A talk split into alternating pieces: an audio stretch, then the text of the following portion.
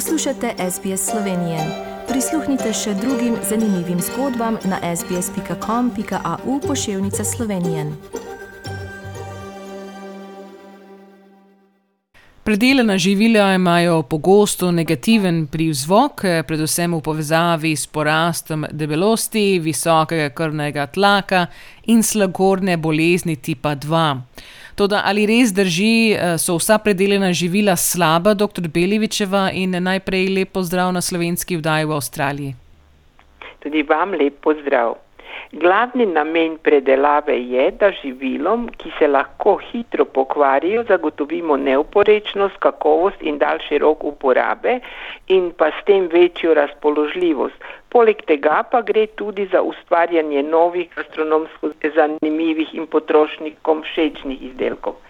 Med predelana živila namreč razvrščamo vsa živila, ki so bila predelana z različnimi postopki in spremenjena glede na izvorno obliko. No, naj povem nekaj primerov, recimo sir, skuta, jogurt, kruh, testenine, kisle kumare, kava, pomarančni sok, pa do tistih, ki so ultraprocesirane, torej zelo predelane, to so industrijski pripravljene jedi, prigrizki in podobno. Kako najlažje razlikujemo predelana živila glede stopnje predelave?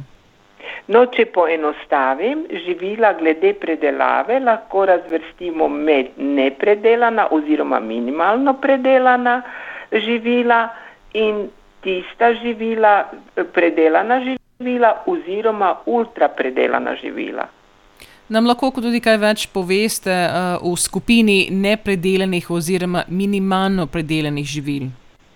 Med nepredelana ali minimalno predelana živila spadajo predvsem nepredelana osnovna živila, recimo rastlinskega izvora, semena, plodovi, korenine, potem živila živalskega izvora, sveže meso, jajca, mleko, lahko pa so minimalno predelana le z osnovnimi postopki, kot so sušenje, mletje, fermentacija, pasterizacija, hlajenje, zamrzovanje.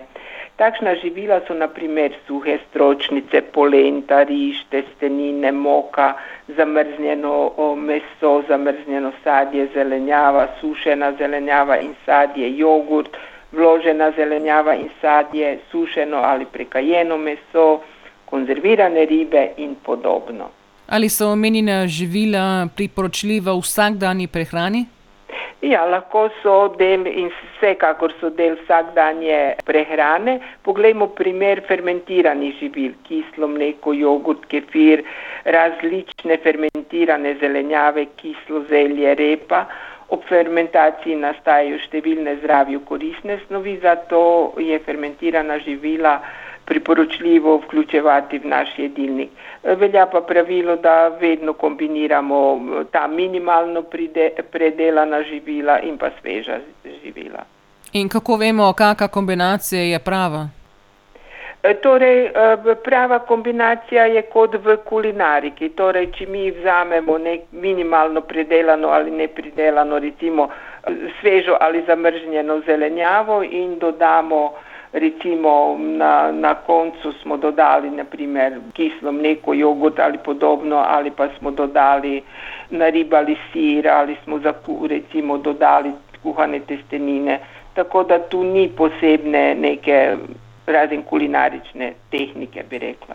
In o visoko predelanih oziroma ultraprocesiranih živilah bomo govorili v naslednji oddaji. Kakšen recept pa ste nam danes pripravili? Torej, to je zelenjavno-mesna jed iz pečice, kjer sem uporabila nepredelana oziroma minimalno predelana živila. Potrebujemo petinštirideset dekagramov mesa, po naši izbiri svinjina, piščanec ali mešano meso. Torej nepredelano živilo, petnajst dek riža, minimalno predelano živilo, dvajset dekagramov graha, lahko je zamrznjen, če je zamrznjen, zamrznjen je minimalno predelan, štiri žlice olja, en deciliter bistre juhe, potem pa še začimbe, poper, sol, mešanico mediteranskih začimb ali začimb po našem okusu.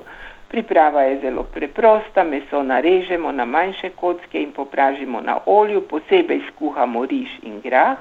Pomešamo ga z mesom, začinimo, damo v namaščen manjši pekač ali ognjevarno posodo, prilijemo deciliter juhe ter pečemo 20 minut na 200 stopinj. Po 15 minutah lahko potresemo z naribanim sirom, spet delno predelano živilo.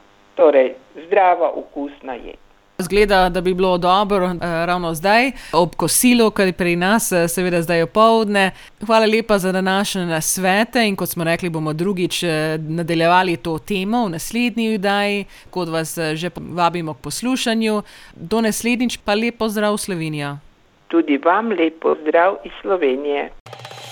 Želite slišati sorodne zgodbe? Prisluhnite jim preko Apple ali Google podcasta, preko aplikacije Spotify ali kjerkoli drugje.